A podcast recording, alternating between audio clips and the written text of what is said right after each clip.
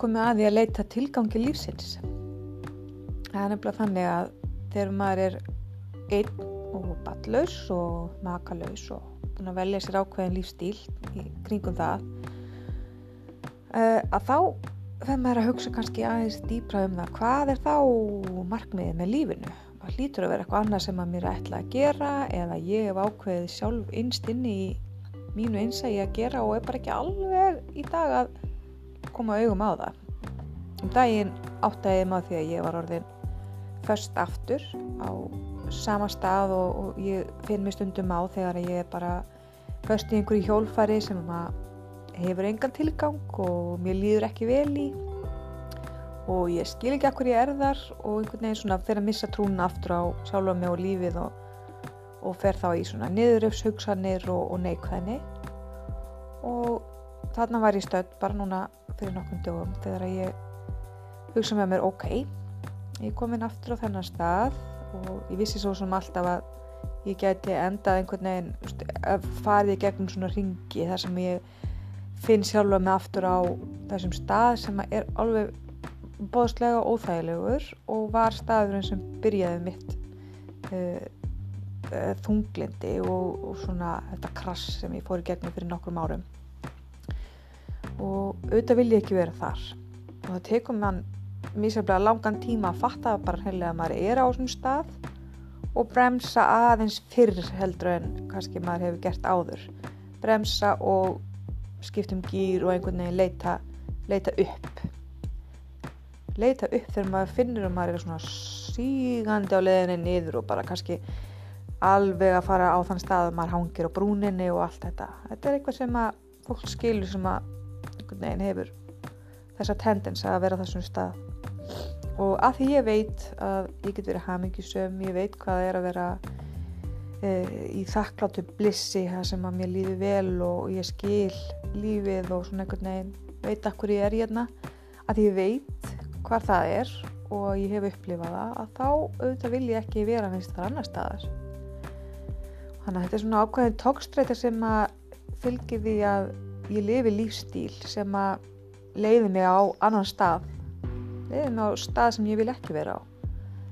Hann er að tókstrættan hún var orðin þannig að ég ákvaða leita, leita núna næsta skrefi, næsta uh, bjargráði sem ég kannski hugsanlega ekki búin að finna áður.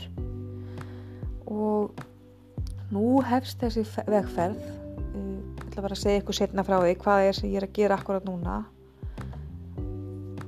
Sem að einhvern veginn svona, svona kveikti aðeins á mér aftur og fekk mér til að spytna, spytna í, í botnin, í bakkan eða botnin eða tróða marfaðan og upp upp upp.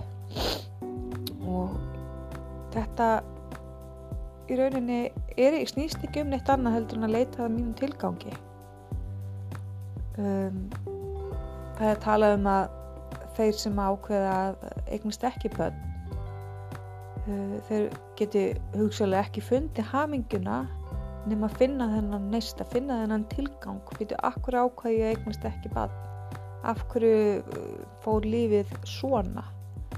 Og svona öðruvísi, svona ólíkt svona norminu og öllum sem eru í kringum mann og, og sem, sem að gerir okkur það pínu erfitt að vera með í þessum rithma sem allir eru í í lífinu ekki allir, heldur margir þar sem einhvern veginn allt svona eðlilega snýst um fjölskylduna og, og börnin og eins og bara manni stundum líður mér þannig að, að þetta ljóti vera bara eini tilgangurinn. En ég veit að það er það ekki.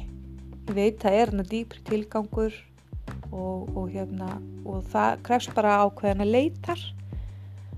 Að tala um að þeir sem eru á þessum stað fari oftar í það að, að stunda einhvers konar hjálpastörf eða já, fara inn á önnu svið sem að kannski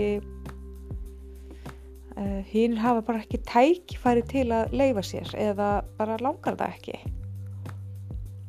Og ég er ekki að segja að þetta sé svona klift og skori svart og hvít þetta er bara eitthvað sem að maður heyrir og mér langar til þess að kynast betur og sjá bara veist, hvað er það sem að fólk velur sér að gera var þáttur að rása eitt um daginn.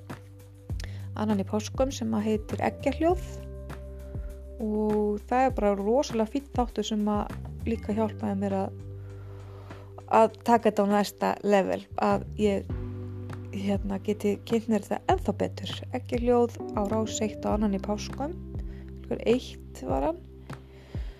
Og það er einmitt verið að tala þar við konur sem að hafa ákveðið að eignast ekki bönn mæli með en takk í byli þetta er næsti kabli á mér.